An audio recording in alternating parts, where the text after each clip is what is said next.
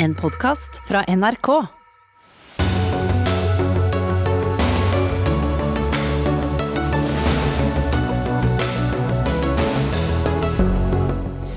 Meteren er tilbake i Tromsø. Det samme er økt bruk av hjemmekontor og munnbind. Trodde du koronapandemien var over? Tro om igjen.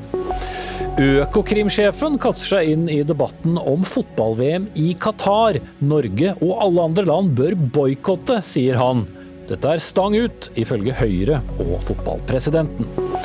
Rekordhøye 240 millioner kroner ble samlet inn under årets TV-aksjon, men måten det ble gjort på, det grenser til det usmakelige, sier kritiker. Og kan egentlig regjeringen innfri eget løfte om moms på de dyreste elbilene? Regnskapsførerne mener i alle fall at det fører til både kaos og bryter med loven. Ja, dette er eh, noen av sakene i dagens Dagsnytt 18. Jeg heter Espen Aas, der vi også skal eh, innom den tradisjonsrike debatten der noen republikanere på Stortinget foreslår å legge ned kongehuset. Men altså, går det aldri over? Ikke på en god stund ennå, virker det som. Koronasmitten har doblet seg her i landet den siste uken, og det er sannsynlig at det kan komme en ny smittebølge gjennom vinteren, mener Folkehelseinstituttet. Og Ingvild Kjerkol, helse- og omsorgsminister fra Arbeiderpartiet. Det var den første koronapressekonferansen. Men ingen nye nasjonale tiltak skal igangsettes ennå. Hva må til for at det skal skje? Ja, Nå ser man jo ikke lenger på smittetall, det er en helhetlig vurdering basert på flere ting. Eh, antall innlagte, alderssammensetningen på dem som er innlagt, eh, eh intensivkapasitet og, og, ikke minst eh, kommunene sin eh, mulighet til å, å, kunne gi forsvarlige og gode helse- og omsorgstjenester. Så det er en helhet som er med i vurderinga nå. Vi har god kontroll, og det at vi for alle praktiske formål nå har tatt tilbake hverdagen. Eh, det betyr ikke at pandemien er over. Eh, kommunene og statlige etater har en fortsatt beredskap for å kunne iverksette tiltak hvis det blir nødvendig. Men per i dag så er det riktig å ha kommunale tiltak, og kommunene har vist seg å være både eh, god og gjort et godt arbeid gjennom hele pandemien, og det tror vi og håper at de kommer til å ha mulighet til fremover. Mm. Men hvis man da må ned i denne verktøykassen på et tidspunkt, eh, hvor vil du i så fall starte? Nei, Det får vi vurdere da. Eh, det er viktig å si at vi har nasjonale tiltak i dag. Vi har det her med at du skal isolere deg hvis du blir syk. Vi har fortsatt noen innreiserestriksjoner. Dem velger vi å beholde. Vi kom ikke med nye. Eh, og så ser vi an situasjonen. Det er utvikla etter hvert eh, gode måter å, å, passe på de her mer kritiske parametrene. Eh, og nå er det viktig at kommunene gjør jobben, bruker lokal forskrift. Vi har, hadde et møte med kommunene i går kveld både med dem som har lokale tiltak og dem som står midt i utbrudd. Og Det var en nyttig utveksling, så det her følger vi med på fortløpende. Mm. Camilla Stoltenberg, direktør i Folkehelseinstituttet. På pressekonferansen sa du at en ny eh, bølge med koronasmitte kan komme utover eh, vinteren. Hva er det i så fall som eh, skal spille inn for at det blir en, en ny bølge? Vi tror at det blir en bølge, men den kan bli veldig liten og den kan bli større. Eh, og Vi har sett på to scenarioer som er publisert i dag. og Det ene det går opp i 60-70 innleggelser per dag over en periode, altså det største. Det vil representere en belastning, men det er samtidig sammenlignbart med f.eks. det antallet innleggelser vi hadde per dag i en hard influensasesong for bare noen få år siden.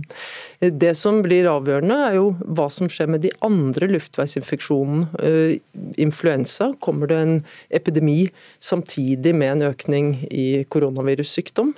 RS-virus. Så det er den samlede belastningen på sykehusene og den samlede sykdomsbyrden. Altså hvor mange blir alvorlig syke og hvor mange dødsfall. Mm.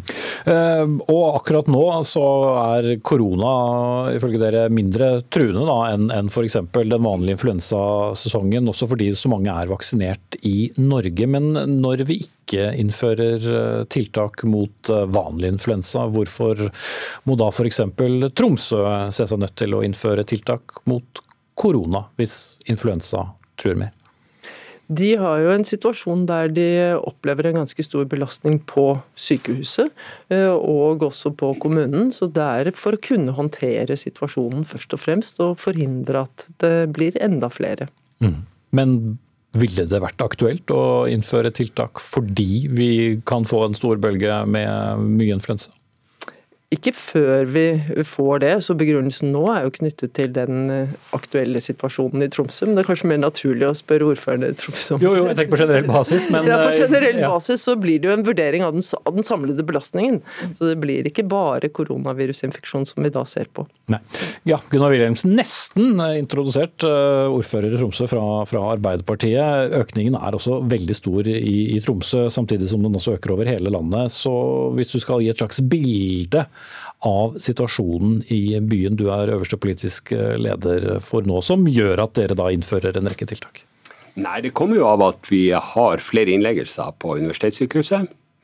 Spesialisthelsetjenesten eh, blir belasta mer. Vi har kommunale helsetjenesten er også belasta. Vi har utbrudd på sykehjem. Det er flere ansatte i den kommunale helsetjenesten som er, har fått eh, smitte. Dette gjør at vi er nødt til å iverksette tiltak og anbefaling i første omgang. Og Så får vi se på type tiltak. Det som er forskjellen på situasjonen nå og tidligere, det er jo at vi er kommet opp på et bra nivå som, eh, vaksineringsmessig, som gjør at man kanskje ikke er så bekymra. Og at det er liksom alle eh, aldersgrupper som er smitta. Men likevel, eh, Troms og Finnmark er da de fylkene med lavest eh, vaksineringsgrad. Ja, men det er bare det er få, noen få prosenter vi snakker om her. og Det som er situasjonen for oss, det er jo at vi har de aller yngste. Eh, kunne det ha vært litt høyere. Og så har vi en del arbeidsinnvandring som vi ikke helt har oversikt over. Og i tillegg så har vi jo en del studenter som ikke har bostedsadresse i Tromsø. Både fra ellers i landet, men også utlandet. Eh, Det var på pressekonferansen deres i formiddag jeg hørte en journalist stille spørsmålet vil det være aktuelt å gjøre et skille mellom de som da er vaksinert og de som ikke er vaksinert. Hvor politisk vanskelig vil det være, Kjerkol? Ja, Det er jo ikke noe vi har vurdert. Eh, Vi har eh, høy vaksinasjonsgrad. Eh, I dag er det 86,6% som har, er vaksinert med to doser. Det er veldig bra. Ambisjonen er 90% og enda høyere. Men så beskriver jo ordføreren her godt at det finnes fortsatt noen som av ulike årsaker ikke har tatt verken første dose eller andre dose. Så det gjelder å jobbe godt med å få opp vaksinasjonsgraden. Det gir beskyttelse å ta vaksine, og det gjør oss mer beskytta i forhold til hele utfordringene med covid-pandemien. Så her jobbes det både kreativt og systematisk for å nå tak i de gruppene som av en eller annen årsak ikke har vaksinert seg. Og jeg vil jo veldig sterkt oppfordre folk til å stikke innom i Tromsø på fastlegekontoret og få satt vaksine. Det er med på å motvirke at vi, at, vi, at vi kan klare oss med de tiltakene som vi har, og at kommunene håndterer det her lokalt. Mm. Men ifølge det vel Aftenposten publiserte denne uken når det gjelder å stikke innom eller stikke i armen, snarere, så er det jo er det rundt 91% av da, nordmenn som har vaksinert seg. Men så er det en del innvandrergrupper eller arbeidsinnvandrere som ikke har gjort det. og polakker var da øverst på, på den oversikten, Camilla Stoltenberg. Er det da slik at det bør rettes inn mer direkte kampanjer på, på de store gruppene med ja, ikke-norskfødte, da, ja, som ikke vaksinerer. Og, og der, Men det går litt sent, kan det si? Ja, det går litt sent, og så er det jo ikke alle som vil. Så det gjelder å, å jobbe langs flere spor. Å få opp vaksinasjonsdekningen samlet er det aller, aller viktigste. Få de som har fått én dose til å ta to. Få eh, de som er unge voksne i Norge som ikke har vaksinert seg, til å vaksinere seg. Og så også eh, legge til rette for at flest mulig av de som har en lavere vaksinasjonsdekning, som er grupper som kanskje ikke er like knyttet til det norske samfunnet, får tilgang til vaksiner enkelt. Og da er vi jo egentlig tilbake til deg, da, Gunnar Wilhelmsen, som, som startet å snakke om disse gruppene. Hva, hva kan dere da eh, gjøre lokalt for å oppfordre enda større grad til å få de som ikke vil vaksinere seg, til å vaksinere seg? Når det gjelder eh, studentene, så har vi direkte kontakt både med samskipnaden og ledelsen på universitetet for å både lage et eh, vaksinasjonssystem borte på campus. Det skal vi gjøre. Vi skal orientere. Vi skal ut med masse informasjon om nødvendigheten av å vaksinere seg. Det skal vi gjøre.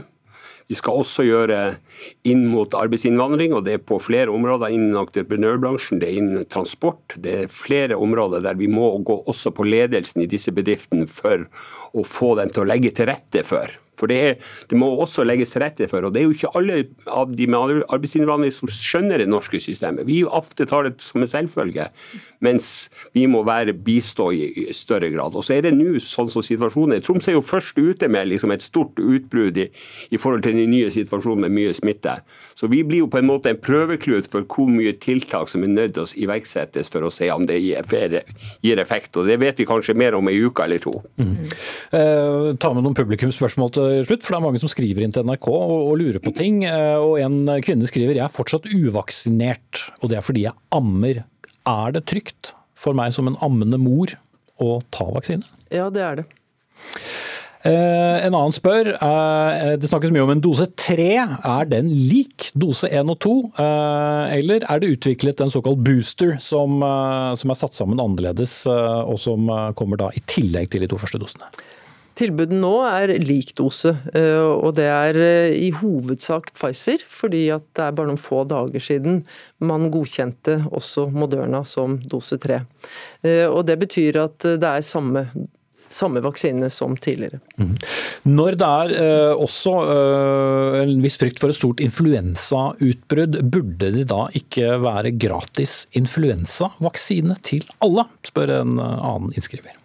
Ja, Det er et godt spørsmål. Det er jo for eh, noen eh, risikogrupper og dem som er prioritert en veldig sterk oppfordring til alle om å ta influensavaksine. For det er jo viktig at vi nå ser helheten eh, i de infeksjonene vi kan forvente gjennom vinteren. For det er det som påvirker sykdomsbyrden. Så um, dem som får gratis, de bør ta det. Og andre oppfordres veldig sterkt til å også ta influensavaksine. Mm. Helt, kort, helt kort til slutt. Du inviterte da, eller innkalte til denne pressekonferansen i dag om korona er vi nå i en situasjon hvor myndighetene vil føle behov for jevnlig oppdatering om situasjonen, gitt at vi har en ganske kraftig økning nå? Vi vil følge situasjonen nøye. Eh, det innebærer eh, det å ha økt beredskap. Eh, for meg og denne regjeringa er det viktig at kommunene får den støtten de trenger til å håndtere situasjonen lokalt. Jeg hadde jo som sagt et møte med kommunene i går, og det er også veldig viktig at de blir godt involvert og har mulighet til å forberede seg hvis vi gjør endringer. Men vi annonserer ikke noen nye pressekonferanser. Vi eh, følger situasjonen, og det er viktig å si at per i dag så, så, så har vi oversikt. Mm. Mm. Over 400 000 uvaksinerte, hva bør tallet være, Camilla Stoltenberg? Aller helst bør det jo være nær null, eh, men eh, dess flere som vaksinerer seg, dess bedre. Eh, og det vil si at det aller viktigste budskapet nå er at de som ikke er vaksinert, bør vaksinere seg. Og det andre at man skal holde seg hjemme hvis man har symptomer, og teste seg. Mm. Ok, setter strek der. Takk til alle tre. Camilla Soltenberg, direktør ved Folkehelseinstituttet, helse- og omsorgsminister Ingvild Kjerkol fra Arbeiderpartiet, og Tromsø-ordfører Gunnar Wilhelmsen.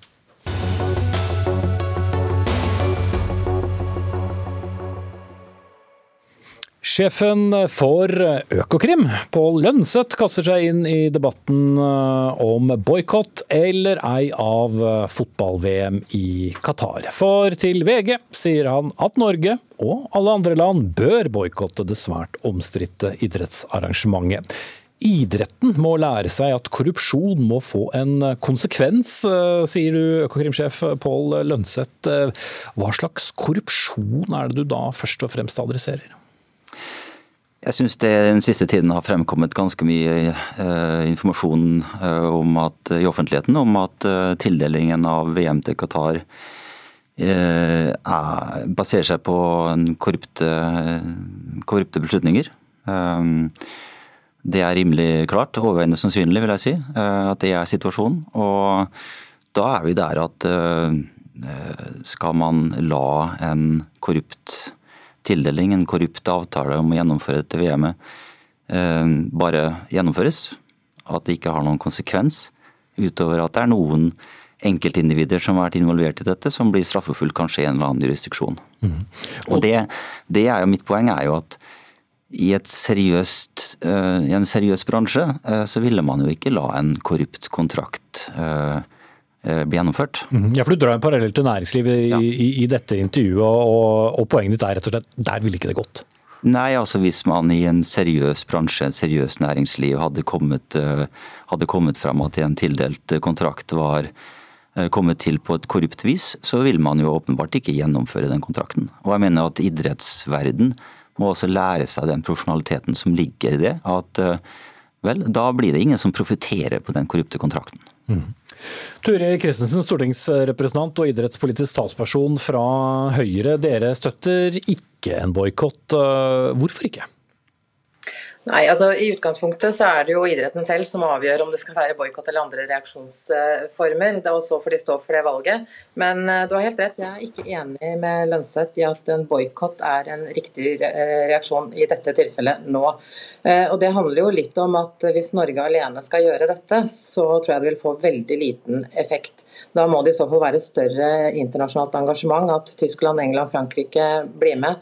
For vi har jo sett at hvis idretten samarbeider om dette, så har, det, har de muligheter til å nå fram. Vi så det under ishockey-VM, da Hviterussland fikk tildelt dette.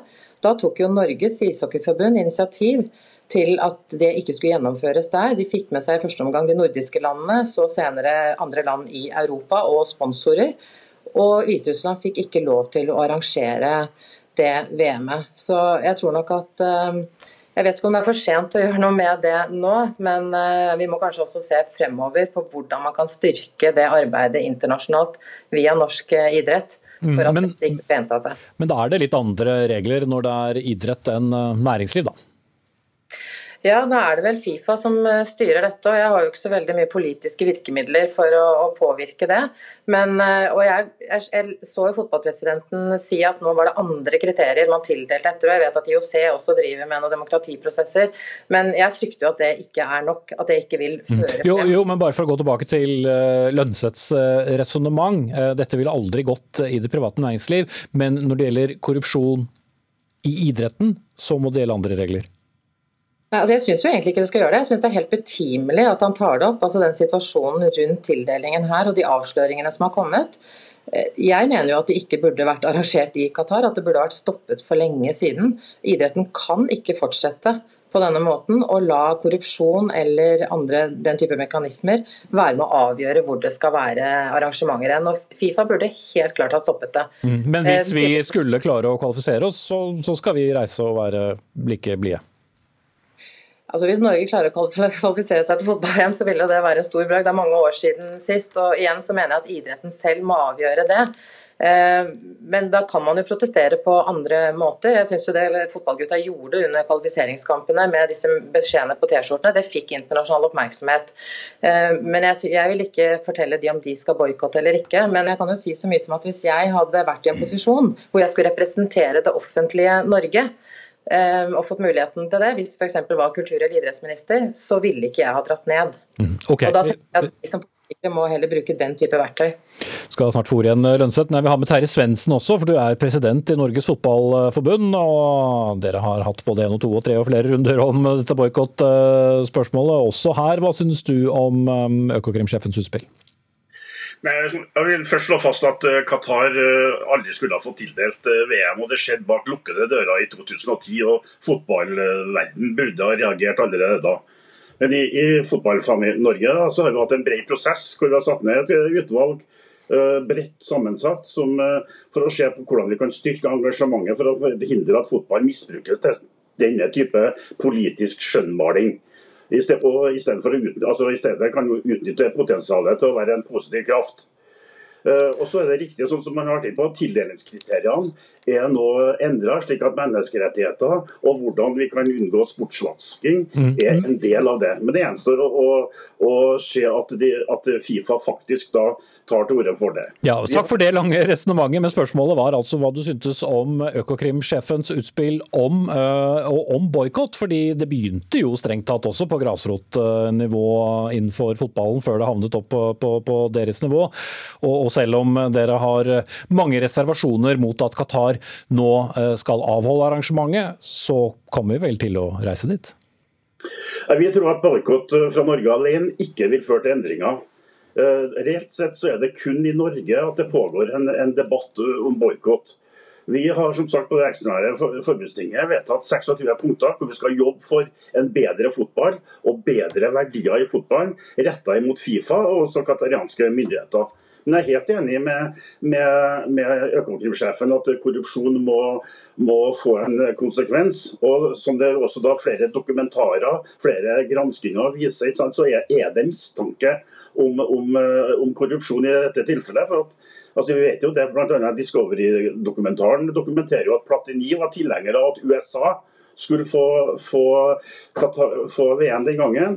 Men etter et møte med den franske presidenten og også representanter fra, fra eh, da kataranske myndigheter, så snudde den. Mm. Like etter så ble PSG kjøpt opp, og Qatar kjøpte 50 Airbus-fly fra fabrikken i, i Toulouse. Mm. Ok, uh, Pål Lønseth, uh, hjelper ikke noe med boikotter? Det kan godt være at det ikke hjelper noe at Norge, lille Norge boikotter, men det kan jo ikke være et godt argument for å uh, ikke opptre etisk at andre opptrer uetisk. Uh, så jeg skjønner ikke helt den argumentasjonen.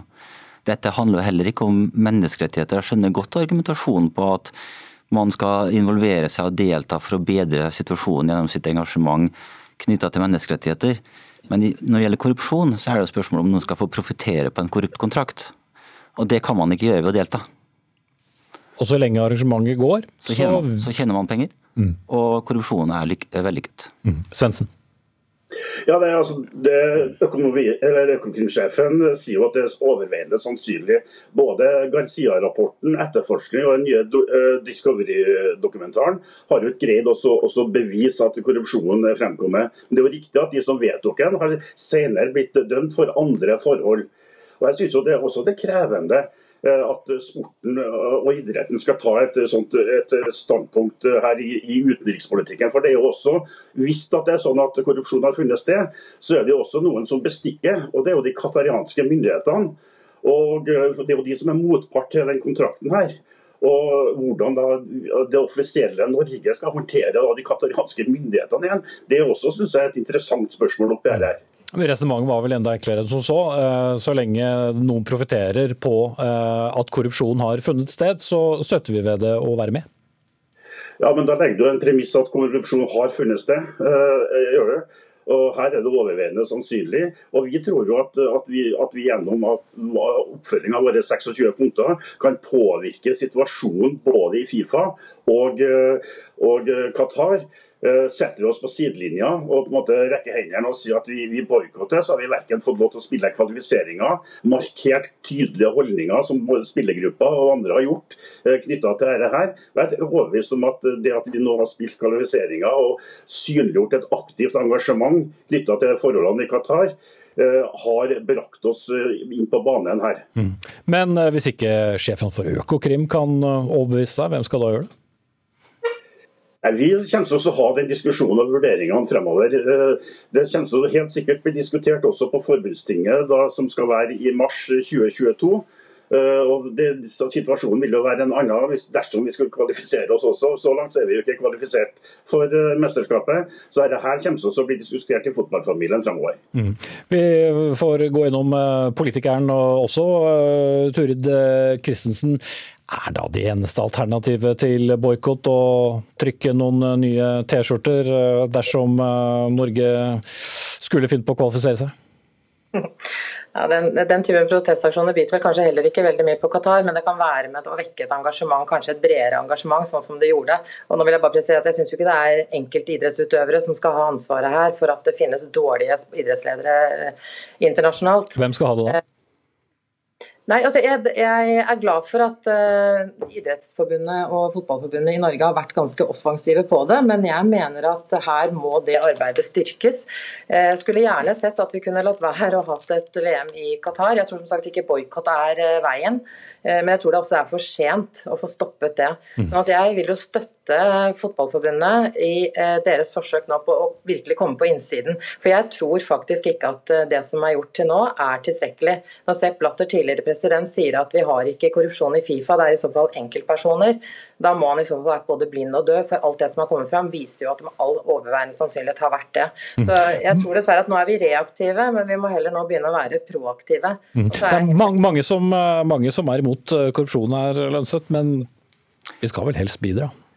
Ja, og det skal ha en konsekvens. Eh, og jeg, jeg syns jo også det er synd for, for fotballspillerne eventuelt hvis de kvalifiserer seg at de ikke får delta i et VM. Eh, men sånn er det for ansatte i næringslivet også, som ikke får være med på å oppfylle en kontrakt som er korrupt vunnet. Mm. Er det et tankekors at uh, hver gang vi diskuterer idrett, og det er jo ikke bare Qatar, vi har jo diskuterer jo Russland, vi har diskutert Kina og, og, og andre som, uh, som, vil arrangere store idrettsarrangementer, men akkurat der er det kanskje det aller vanskeligste stedet å ikke delta?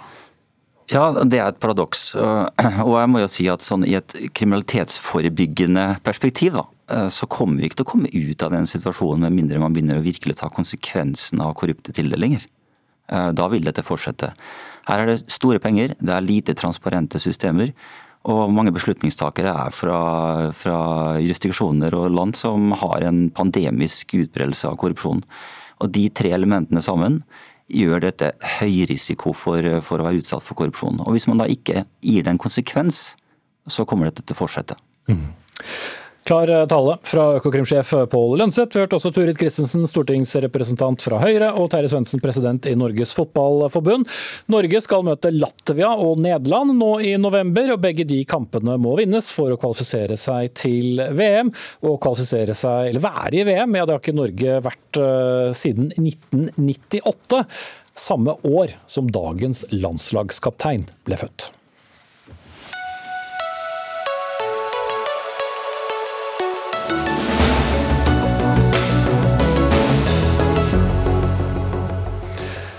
Når det er vanlige folks tur, da skal også de dyreste elbilene gis moms, skrev regjeringen i Hurdalserklæringen. Litt senere i sendingen skal vi møte en som sier at det kan være i strid med loven. Men uh, andre penger nå. Årets TV-aksjon den brakte inn en rekordhøy pengesum til inntekt for Plans arbeid for å bekjempe barneekteskap. Og TV-sendingene her i NRK bød på mye.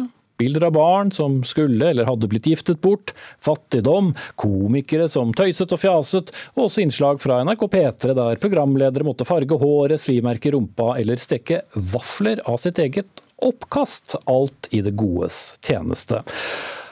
Og Det er nettopp denne kontrasten mellom alvor og underholdning som fikk deg til å, å reagere, frilansjournalist eh, Anne Hoskoll Haugen. Du beskriver sendingen som vill og absurd i et innlegg hos Bistandsaktuelt, som også er trykket i, eh, i Aftenposten. Eh, men det ble mye penger av det? da? Det ble mye penger av det. Jeg synes TV-aksjonen er helt fantastisk.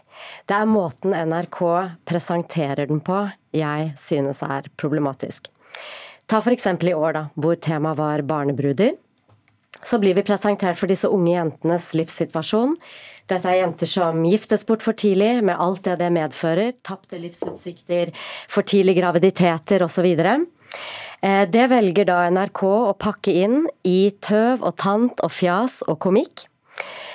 Og jeg må si at Personlig når jeg sitter og ser på, det gjør nesten helt vondt å i det ene øyeblikket bli invitert inn til å føle empati med disse jentene, og i det neste så blir jeg invitert til å le meg helt skakk i hjel. Mm. Men, men hva, hva, slags signal sender det da? Blir det ikke tatt på alvor, eller blir det både tatt på alvor og vi underholdes, eller hvordan leser du det da i et totalbilde? Jeg syns det sender et veldig tydelig signal. Det sender et signal om at vi ikke helt greier å sette oss inn i hva det er vi egentlig driver med i denne dugnaden. Eh, jeg synes også det sender et signal når man f.eks. velger eh, en av Norges mest kjente komikere eh, til å presentere disse jentenes livssituasjon. Samtidig setter man han i en helt umulig posisjon, for i neste øyeblikk så skal han være klovn i en sketsj. Eh, jeg tror NRK, hvis de ønsker å sikre seg 50 nye år med stor oppslutning rundt TV-aksjonen, så tror jeg at NRK har veldig mye å vinne på å forsøke å oppdatere formatet sitt litt. På en måte som gjør at vi føler respekt for de menneskene vi ser. Det betyr ikke at hele sendingen skal være bare trist, men det betyr kanskje å tone ned bøtte med spagetti i hodet på program, programlederne. Mm. Charlie Halvorsen, redaktør for Underholdningsavdelingen her i NRK. Kjempegøy med barneekteskap. Det, eh, for det første så er jeg veldig enig i det første hun sier, at det er veldig flott med TV-aksjonen. Og det er jo en av våre absolutt liksom høydepunkter gjennom, eh, gjennom året. Det er en kjempedugnad. Titusener banker på dører. Eh, er det 7000 som er frivillige i selve organiseringen av det? Dette er Norges store innsamlingsdugnad. Mm. Men det var ikke det hun reagerte på? Eh, nei. men Eh, bakgrunnen for at vi skal gjøre det så, så, stort, er at vi skal lage en happening av, eh, som eh, for hele bredden av publikum. Vi må lage et program som favner så bredt som eh, overhodet mulig. Og eh, jeg er den eh, balanseringen vi har i det programmet som går på NRK1, da, som på, på, på, på søndag, det er et underholdningsprogram hvor vi, eh, eh, og det er, litt rart sånn for, for en gangs skyld, det er jo hovedhensikten er å skaffe penger. Det er liksom det store målet vårt. Og så skal vi informere også om eh, hvorfor, som er liksom det andre målet, som er nesten like stort. men dette er for å skaffe penger. Derfor så lager vi eh, det programmet. Og så er det i dette innlegget som står i diverse aviser i dag. Det er jo mye sammenblanding av to forskjellige eh, ting. Det er jo TV-aksjonen som går eh, på søndag kveld, og alt med det, og så er det P3-aksjonen som er 100 eh, timer radio. Som er med strømming, med videostrømming som er en eh, aksjon som eh, også bare handler om å skaffe penger, som det er mye tøys og tull. Og de eh, snakker til en helt spesifikk målgruppe som syns dette er kjempegøy. De hadde også rekordinnsamling i år. De har plan på besøk eh, mange ganger gjennom sendingen, lager mye innhold eh, på nettet sitt i forkant, så eh, ungdommen skjønner også, eller de unge skjønner også hva dette handler om. Så helt perfekt slik NRK produserte det? Vi er kjempefornøyd. Vi har laget det akkurat som vi ønsket etter intensjonene, og fikk rekordmange penger inn, som du nevnte på, så vi har all mulig grunn til å være veldig fornøyd. Ja, det stakk ikke langt inn dette, Håskal Haugen? Nei, det er leit. Altså, Man kan helt sikkert argumentere for at det ikke spiller noen som helst rolle hvordan man samler inn penger. Men en god test på om det man gjør eh, kan forsvares etisk, det er jo å ta noe litt nærmere oss selv. Jeg er helt sikker på at den måten eh, TV-aksjonen gjør det, og jeg mener P3-aksjonen og TV-aksjonen er to sider av samme sak, det er jo eh, aksjonen. Det er ikke sammenblanding. Det, det, er, det er, et NRK-produkt, og det er innsamlingen. Men eh, jeg er helt sikker på at man kan gjøre det på denne måten, fordi vi føler at disse menneskene er så utrolig langt vekk fra oss. Men da må dere også tenke på kanskje de ikke er så langt vekk fra oss egentlig. fordi Norge er jo et multikulturelt samfunn. Her har vi mange som har kommet hit som flyktninger. Kanskje noen av dem også har opplevd å bli giftet bort som barn. Eh, og de skal jo også være målgruppen for disse showene. Eh, det er ikke sikkert at de opplever det så respektfullt. En annen ting jeg har lyst til å si, for å ta det litt nærmere hjem. Et tenkt eksempel. Alle husker katastrofen eh, i Gjerdrum i fjor, eh, romjul, med jordraset hvor folk mistet liv og hus og hjem og alt de eide. La oss si at NRK skulle lage en innsamlingsaksjon til inntekt for disse eh, ofrene. Eh, tror du da, Charlo, at det norske publikummet ville syntes det var greit om man laget den TV-aksjonen på samme måte som vi gjør med den TV-aksjonen som dere har nå? Jeg tror ikke det. Jeg tror kan ikke han heller svare? Nei, jeg vil svare selv. Jo, du verden, kan bare gå, liksom. på, jeg er helt sikker på at dere ville fått en storm av klager. Hvorfor? Fordi at det er ikke respektfullt overfor de menneskene det gjelder. Kan man svare likevel? Selv om ja, vi laget det programmet, eh, så det er nå greit. Men eh, eh, vi laget en, en Men ikke med underholdning? Nei, det, men det var en underholdningsprogramleder og, og pakka rundt det. Men dette er, dette er, epler og pærer og noe helt annerledes. Den store folkeaksjonen som TV-aksjon er, krever andre virkemidler for å nå folks Nå er det kanskje ikke lommebøker lenger, men mobiltelefoner. Og det er det oppdraget vi har, og det er det vi gjennomfører på. Og som, det, det høres rart ut, men det beste og den eneste liksom, kvalitetsvurderingen av om vi får det til, er hvor mye penger vi får inn. Og Det ligger ikke akkurat i vårt genmateriale her i NRK å tenke sånn, men akkurat den dagen så gjør vi, gjør vi det. Og eh, det virker jo Men Dere gjør ingen etiske refleksjoner rundt det jeg påpeker nå, da? Masse, selvfølgelig. Vi har masse innhold i, eh, i eh, den søndagssendingen vår. Som vi har eh, Tidligere har vi hatt reportere på, på, stedet. Det er vanskelig nå pga det vi alle vet. Og så vi skaffet noen folk i Malawi og andre steder som kunne gjøre reportasje for oss. Eh, og vi snakker med folk som bor i Norge. Det var mye redaksjonelt innhold der. Eh, mm. Og det å men, si at jeg, Men, men, men humoren og Men det er kombinasjon. Men kan jeg få lov å si en ting? Fordi Nei, jeg... vet Dere hva? Dere må faktisk ta det på utsiden, for nå er uh, vår tid ute. Vi har ikke like lang sendetid som TV-aksjonen. Takk til Charlotte Halvorsen, redaktør for Underholdningsavdelingen, og journalist Anne Hoskål Haugen.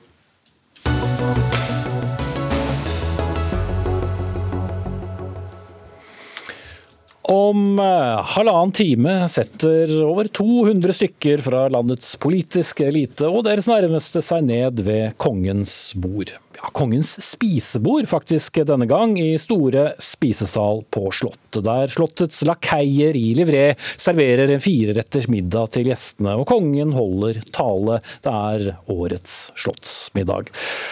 Det er kanskje ikke like tradisjonelt som selve slottsmiddagen, men det begynner å bli en uh, tradisjon at uh, republikanerne blant de folkevalgte på Stortinget tar til orde for å legge ned monarkiet en gang for alle.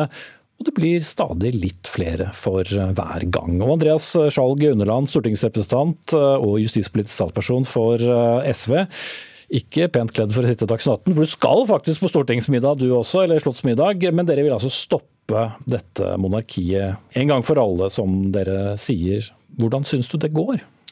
Nei, vi har jo en jobb å gjøre. Eh, og først av alt så vil jeg si at Dette er jo ikke en debatt om kong Harald gjør en god jobb som konge eller ikke. For jeg tror de aller fleste vil være enige om at det, det gjør han. Eh, det kan jo nesten virke som han er født for å gjøre eh, den jobben så godt som han gjør den. Men det som er viktig at dette er en prinsipiell debatt om hvordan statsoverhodet i Norge skal være. Og Monarkiet det er en, sånn, eh, en institusjon som egentlig går litt på repeat, som bare fortsetter av seg sjøl uten at vi tenker så mye over det. Kanskje derfor egentlig ikke så rart at Høyre som et konservativt parti er for at vi bare skal fortsette med det. Men vi som er opptatt av å være stolt av at vi lever i et eh, demokratisk eh, samfunn, som vil at det også skal gjenspeile seg på alle nivåer i samfunnet, er opptatt av at statsoverhodet skal være demokratisk valgt og ikke født inn i rollen. Mm. På helt prinsipielt grunnlag, for det er vel ikke noe du tenker på i det daglige? Jeg går ikke rundt og tenker altfor mye eh, på statsoverhodet i Norge. Så ærlig skal jeg være. Mm. Petter Frølek, leder i Stortingets kontroll- og konstitusjonskomité eh, fra Høyre, som allerede innannonsert, også pent eh, kledd for den samme slottsmiddagen. Er det så viktig å ha denne institusjonen? Ja, det er veldig viktig. Det er veldig viktig at vi slår ring om kongehuset. og og bærer den eh, altså Det er jo egentlig bærebjelke for hele det norske liberale demokratiet, og har vært det over mange generasjoner. Eh, jeg, jeg, hører at SV prøver å fremstille det som noe liksom, demokratisk problem at, at, vi har kongehuset, men jeg vil jo si tvert imot. Tvert imot. For det første så har jo kongehuset en, en, veldig sterk oppslutning både i folket, men også i Stortinget. Jeg vil jo egentlig takke både SV og, og representanter for Rødt og et par andre eh, republikanere som hver eneste stortingsperiode bringer denne debatten opp. For den viser jo oss hvor Sist vi diskuterte den, var det din partifelle Heidi Nordby Lunde ja, vi har en, vi, Det er helt riktig. Vi har en i Høyre som, eh, som, mener dette også. Det er høyt under taket hos oss. Men eh, det kommer nok aldri til å bli standpunktet til Høyre at vi skal avskaffe monarkiet. Men det, de debattene viser jo hver eneste bidige gang at kongehuset står sterkt både på høyresiden og faktisk også på store deler av venstresiden. Men er det ikke bra å ha debatten, da? Jo, det er veldig fint å ha debatten. Det er det. Og da får jeg gjentatt poengene om at de beskytter det liberale demokratiet. De har en funksjon i maktovertakelsen fra regjering til regjering. Det er kongehuset som er det samlede punktet hvis vi rammes av ytre trusler eller katastrofer. Og de er en kontinuitetssperrer. Så eh, må vi også huske på at det er ikke alle, det er ikke alle elementene i et demokrati som nødvendigvis er liksom direkte valgt. Du har domstolene, f.eks., som, som er en utrolig viktig brikke i et demokrati. Men det er jo ingen av oss som, som velger dommere. Men, men, alle skjønner jo funksjonen som domstolene har i demokratiet vårt. Og på samme måte har kongehuset slått ring om det liberale demokratiet. F.eks. i 1928, når det var parlamentarisk kaos og Arbeiderpartiet hadde blitt største valg, og man trodde at nå skulle kommunistene overta. Da sørget, da sørget de for politisk stabilitet. Og så kjenner vi alle historien om 1940 og hvordan det eh, reddet eh, vårt liberale demokrati da tyskerne kom. Mm. Det er nesten så du burde si unnskyld for forslaget, Underland. Nei, det, dette er ikke meningen å gjøre det til en sånn stor eh, historiedebatt. Men jeg syns det er viktig at den demokratiske legitimiteten hos kongehuset springer jo egentlig ut av en folkeavstemning i 1905. Det er 116 år siden. Det er ingen mennesker som lever i Norge i dag som har fått lov til å stemme over om vi ønsker å ha et eh, monarki, og hva statsoverhodet i Norge skal være. Og jeg synes det, det er litt synd. for eh, for min del kan vi gjerne fortsette å ha konge i Norge hvis folk vil stemme på å ha konge i Norge, men da må vi gi folk den muligheten. Eh, og jeg synes Man burde stemme over det om det er hvert tiende år eller hvert 15 år. Det er jo egentlig ikke så viktig. Det viktige er jo hvor springer den demokratiske legitimiteten ut fra. Og Her er det litt uenighet i de grunnleggende prinsippene. Høyre syns ikke det er et problem at makt og arv og posisjoner eh, går i arv. Om du arver et titalls eh, laksemilliarder eller om du arver hele kongeriket, er egentlig ikke et problem for Høyre. Men for oss så mener vi at det bør være et visst samsvar mellom den demokratiske styreformen vi er så stolt av i Norge, og hva statsoverhodet er. Mm. Og så legger det visse begrensninger på mennesker som er født eh, inn i eh, en eh, institusjon. Er det også i tråd med Høyres tanker? Det synes jeg faktisk er et av de få gode argumentene mot monarkiet. Det er en utrolig belastning og et stort ansvar på de som skal være monarker i, i Norge. Og jeg forstår veldig godt at det, må, at, at, det kan være noe man Si, jeg skal ikke si syns synd på, det høres litt rart ut å si at man syns synd på den som skal arve kongeriket, men, men, det er en utrolig belastning. Eh, så vet vi jo også at det er en sikkerhetsmekanisme. De kan, eh, de kan abdisere dersom de ikke ønsker å ta på seg det ansvaret. Da må vi jo velge inn en ny konge. Men jeg er veldig uenig med eh, SV som sier at dette liksom mangler den demokratiske legitimiteten. Hvert fjerde år så har den norske befolkningen mulighet til å sette sammen et storting som ønsker å avskaffe kongehuset. Hvert eneste år så får de partiene ganske lav oppslutning. Hvis vi ser på meningsmålinger, på meningsmålinger så ligger kongehusets oppslutning på rundt 80% det tror jeg er et uttrykk for at det er ingen som ser på dette som liksom et, et, et, et ønske. Kan men, men, kan man gjøre noe med denne institusjonen? Må alt være som det alltid har vært? Må enhver statsminister ta med seg alle statsrådene på fredag og fortelle eh, den til enhver tid sittende monark nå gjør vi det og nå gjør vi det, og du må godkjenne nyutnevnelse av den statssekretæren eller den uh, statsråden? Og må folk også til stadighet, ikke til stadighet, men eh, fødes inn i en rolle som kommer til å legge beslag på hele livet deres? Det er litt gammeldags, og så er det utrolig fint. Og jeg tror også det har en reell betydning for den politiske stabiliteten vi opplever. Det er mange republikker rundt om i verden som jeg tror opplever splittelse, og at altså det at alle statsoverhoder i, i republikkene på en eller annen måte er politisk utnevnt og sånn, det, det, er en sårbarhet ved systemet.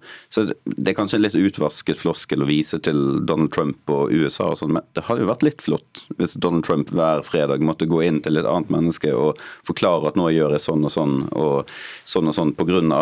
de og de og de eh, forholdene, og i ytterste konsekvens hatt et, et statsoverhode som kunne vært en, en begrensende maktfaktor på en. Eh, eh, så jeg synes denne tanken om at bare, blir, bare, vi får valgt inn en politiker i disse, i disse posisjonene, så, så, ville alt vært eh, så veldig mye bedre. Jeg, jeg kjøper ikke den. altså. Nei, og Hvis vi da tenker tilbake til ja, Gjerdrum-raset var jo nevnt her tidligere. Kongehuset følger med de som sørger 22.07, tsunamien. Er det ikke også litt bra å kunne ha eh, akkurat en sånn institusjon som, som kongehuset, som, som, ivaretar det oppdraget? Jeg synes Det er veldig flott at vi har den type eh, roller og institusjoner. Spørsmålet er jo hvordan fyller vi de? Skal de bli fylt av mennesker som tilfeldigvis er født inn i den jobben, eller skal det utgå fra, fra folket, rett og slett? Og det, Jeg stusser litt på egentlig resonnementet til Frølich her, for hvis du tar det på ytterste alvor, så sier han at det som er statsoverhodet i Norge, skal ikke utgå fra folket. For vi har en mistillit om at det kan føre til resultater vi ikke liker. og Derfor vil vi heller satse på at en person som tilfeldigvis fødes inn i en familie, forhåpentligvis kan gjøre jobben bedre enn den vi hadde valgt å gjøre den jobben. Det er en litt sånn ja, vil jeg si, udemokratisk eh, holdning. Og Det er jo der kanskje litt av, forskjellen ligger. Jeg mener det er på tide at vi har fullt demokrati i alle ledd og vil utvide demokratiet. Veldig kort til slutt, eh, Underland, eh, siden du er nyvalgt og skal på din første slottsmiddag. Du vurderer ikke å takke nei, da? Jeg tenkte litt på det, men jeg er opptatt av at å har respekt for de institusjonene vi har eh, i Norge i dag. at Når kongen ber på middag, så kommer jeg eh, gjerne. og Sånn er det med en rekke organisasjoner. Jeg er grunnleggende uenig med eh, Frølich, men jeg kommer gjerne på en middag hos han hvis han spør for å diskutere. Og så har vi hørt at maten skal være ganske god, da. Ja, Vi spurte faktisk hva dere skulle få, men vi fikk beskjed om at det var hemmelig frem til klokken åtte. Jeg vet ikke om det er nasjonalretten pizza, men dere får se og kose dere. Petter Frølich, leder av Stortingets kontroll- og konstitusjonskomité fra Høyre, også stortingsrepresentant, og Andreas Skjalg Underland, justispolitisk talsperson og stortingsrepresentant representant fra SV. God middag.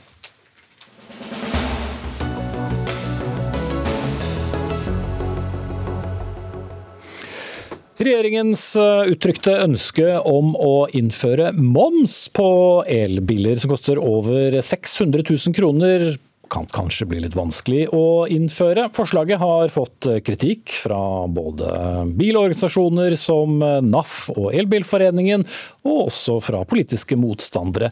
Men også det rent praktiske kan bli en utfordring. Det bryter nemlig med et over 50 år langt prinsipp i lovgivningen om moms, ifølge nyhetstjenesten bilnytt.no. Og de som sier det, er dere i Regnskap Norge, som er bransjeforeningen til autoriserte regnskapsførere du er da fagansvarlig for MVA, mer, merverdigift eller moms, Sebastian Bråttkorp. Hva er det som gjør denne delingen eh, av moms på dyre og ikke fullt så dyre elbiler vanskelig? Jeg kan jo begynne med selve forslaget, da vi opplever at eh, selv det misforstås. Og det er jo som du var inne på, at eh, det er ikke å fjerne Eh, hele momsfritaket slik vi kjenner det i dag. Men det er altså å avgiftsberegne salgssummen som overstiger 600 000 kroner. Og Regnskap Norge mener det er en teknisk dårlig løsning. Og det er også da et helt nytt prinsipp i avgiftsretten. Det å kombinere momsfritak med avgiftsplikt for én og samme vare. For i dag så er det sånn at et produkt det er enten momspliktig, fritatt eller unntatt. Og loven åpner ikke opp for en kombinasjon mellom avgiftsplikt og fritak, eller avgiftsplikt og uh, unntak. Det er liksom enten-eller.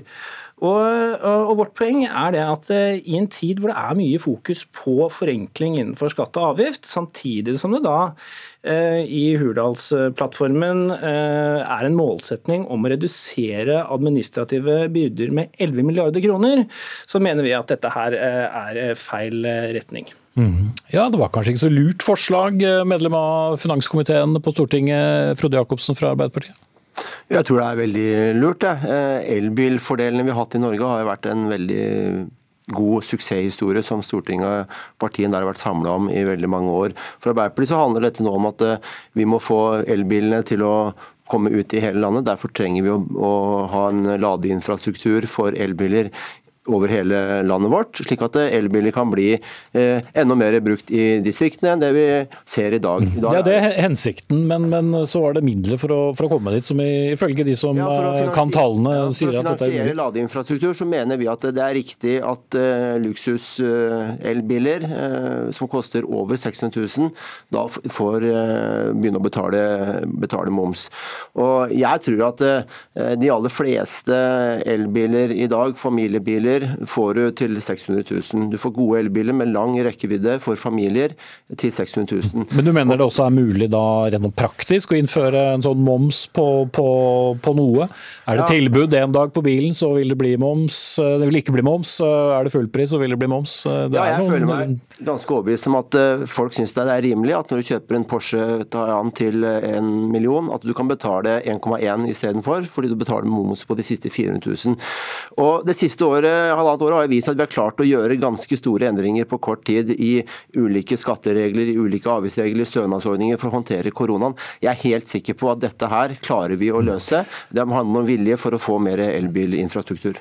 Eh, vi har jo eh, ordninger da, Brotkorp, som at eh, hvis jeg tar med meg maten fra en restaurant og spiser den rett på utsiden av døren, eller spiser den hjemme, så betaler jeg 15% moms. Spiser jeg i restauranten, betaler jeg 25% moms. Er dette så innmari mye rarere? Altså, det du er inne på der er jo også kronglete og en dårlig løsning, absolutt. Men det har vart i 20 år. Ja, ikke sant? Eh, hvis jeg skal nevne noen av de problemområdene, så kan jeg jo nevne da f.eks. leasing av eh, elbiler. Hvordan skal man eh, gjøre det? Skal det tas ut fra bilens kostpris? For det er også momsfritt i dag? Ja, det er også momsfritt av leasing av elbiler. Ehm, hvordan skal det gjøres i praksis da, hvis det er over 600 000 kroner er det moms? Skal man da eh, gjøre en forholdsmessig avgiftsberegning eh, av leasingvedlaget, som blir da mest fritatt og noe unntatt? Eh, enda verre kanskje med bruktbilleasing. Hva tar man utgangspunkt i da? Tar det utgangspunkt i utsalgsprisen eller markedsprisen på bilen der og da? Dokumentasjonskrav til det. Batterier til elbiler er fritatt i dag. Hvordan blir det når elbiler koster under og over 600 000. Eh, elbusser, ellastebiler osv. Mm. Du skal slippe å ta punkt for punkt, eh, Frode Jacobsen, men det høres jo ut som eh, både dere i finanskomiteen og ikke minst Finansdepartementet kan få litt av en jobb med å nøste opp her? Ja, Selvsagt må det, det lages regler som er uh, mulig å håndtere rundt dette. Jeg er helt sikker på at det, det får man til. Jeg har sjøl jobba i embetsverket og vet at det er mye flinke folk der. Og med eksperter fra både skatteforening og, skatt, og andre, så, så, klarer man å finne løsninger. Her er det snakk om å få et system for å finansiere mer ladeinfrastruktur. Og da ser vi at her har vi en god løsning. og Vi har drevet valgkamp på dette, og vi har stått og møtt velgerne. og jeg tror de fleste velgere skjønner at uh, vanlige folk kan betale biler uh, eh, sjøl, eh, opptil 600 000 og få fritak på momsen ved elbiler. Men skal du kjøpe deg en dyr elbil, så er folk villige til å betale for det også. Da kan vi ikke bare leite etter uh, problemer, vi må se hvilke muligheter det gir oss. Og så klarer embetsverket ved hjelp av gode fagfolk å finne løsninger på det, som gjør at vi kan gjennomføre dette på en god og praktisk måte. Men, men når kan det gjennomføres, da? Parlamentarisk leder av Senterpartiet, Marit Arnstad sa under Arendalsuken kanskje vi ikke får dette før i 2023, etter at vi har lagt fram vårt første budsjettforslag i 2022. Er det realistisk? Nei, Det må vi jo se hvor eh, lang tid dette tar. Nå har jo Stortinget vedtatt både flysettavgift og poseavgift uten noe som helst utredninger. Dette her er eh, lenge til Stortinget skal vedta skatteopplegget og avgiftsopplegget for neste år. Det skjer hvert år endringer i det som Stortinget vedtar i desember, som gjennomføres eh, fra nyttår. Så får, Det er mye jobb som skal gjøres rundt det. Vi er villige til å jobbe hardt for å få det til, og så får vi se hvor langt vi kommer. Men intensjonene er tydelige. Her skal luksuselbiler betale betale moms for å finansiere mer ladeinfrastruktur. Hva kan de gjøre for å gjøre dette enkelt, da, Brodtkorp? Ja, de kan gjøre det ganske enkelt. De kan jo enten fastholde fritaket slik det er i dag, eller så kan du avgiftsberegne hele bilen. Vi betaler jo moms på nesten alt eh, annet vi kjøper, så det er også en løsning. Ehm, men vi, vi, vi legger oss ikke oppi, oppi hvordan dere løser det, vi bare påpeker det her at dette blir en kronglete løsning. Og de 11 milliardene du skal hente inn på administrative byrder, det, det, du oppnår ikke det ved å gå denne veien. Ehm, og så er det å gjøre de momsreglene enda verre, da. Det er det. Mm. Kan ikke bare ha moms på alle biler da, Jacobsen? Vi tror at elbilfordelene eh, har vært en veldig stor suksess og veldig viktig for at Norge skal være, er, det frem, er det land i verden med mest elbiler. I september så var elbilsalget av nybiler 77,5% Det er en kjempestor suksess for Norge. Ja, nettopp derfor så kan man vel snart ha de samme avgiftene på de bilene som på Ja, men det er klart, Nå har vi begynt å innføre betaling for elbiler i bom, bomringen. Eh, betaler noe. Du betaler noe mer for å parkere enn du gjorde før. Eh, så, så nå gradvis forandrer det. Og dette vil jo være et godt, et godt trekk i så måte måte at vi, vi sier at har du en elbil under 600 000, så er det fortsatt fritak. Vanlige folk eh, kjøper seg nye elbiler. Skal du ha en elbil som koster over 600 000, ja da må du betale litt mer sjøl. Jeg tror at det er eh, et resonnement som eh, folk flest skjønner, og som er mulig å praktisere. Og Jeg er helt sikker på at Brodkorp og hans fagfolk også vil bidra til å finne løsninger. Vi klarte å si at en bolle koster 25% hvis du tar den med deg ut, og 15% hvis du spiser den inne, eller omvendt. Eller omvendt. Ja. Ok, jeg tror jeg setter en, eh, en, eh, en, stopper der. Takk skal du ha, som kommer fra Stortinget og skal på Slottsminnet også, Frode Jacobsen fra Arbeiderpartiet. Og takk til Sebastian Bråttkorp fra Regnskap Norge. Takk skal du ha.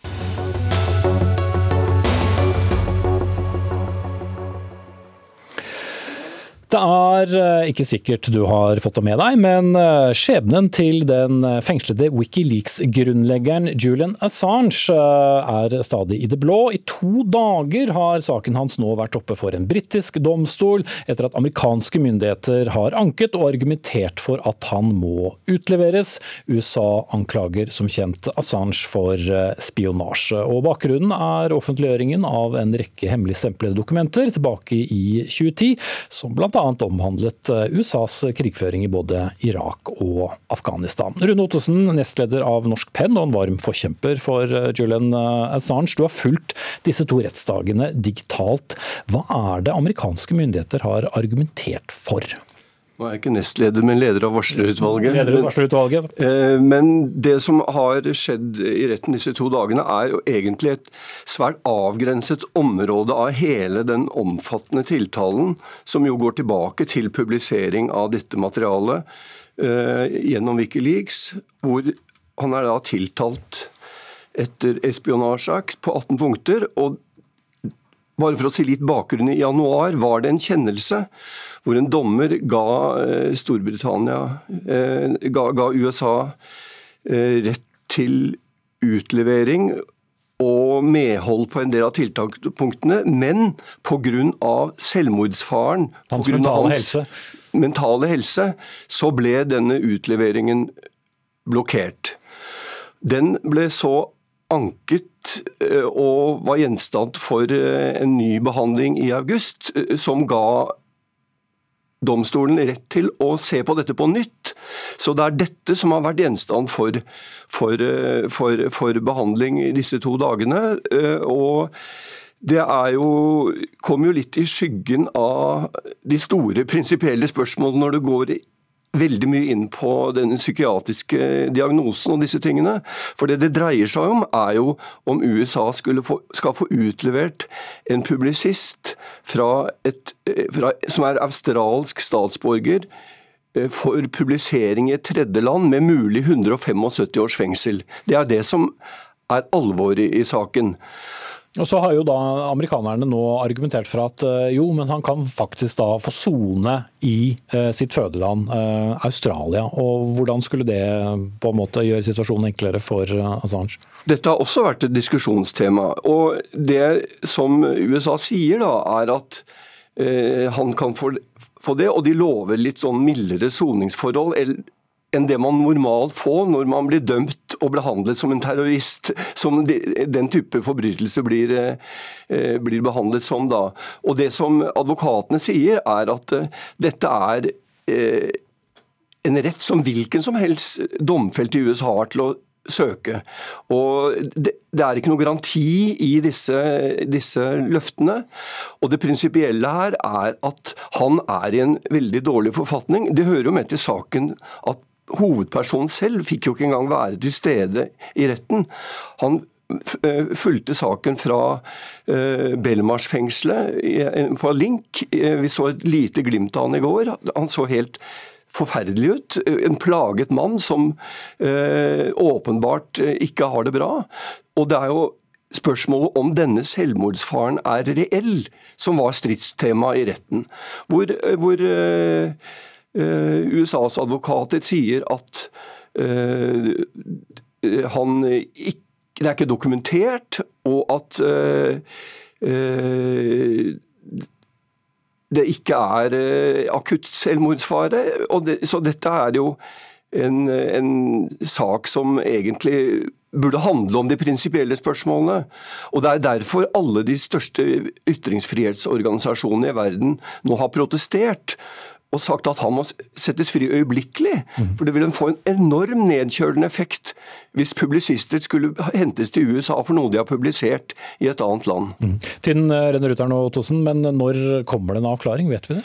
Nei, nå kan det vel kanskje ta et par uker. Og så vil det bli en ny rettsinstans og en ny ankemulighet. Og i mellomtiden så må mannen slippes fri. Mm. Men inntil videre sitter han i det beryktede Belmarsh-fengselet i, i, London. Du og mange andre følger med. Rune Ottesen, leder av varslerutvalget i, i Norsk Penn. Ved veis eh, ende vi. Dag Dørum hadde ansvaret for innholdet i sendingen. Finn Lie tok seg av det tekniske. Jeg heter Espen Aas, og i morgen kommer ukens siste Dagsnytt 18 fra dette studio. Takk for nå.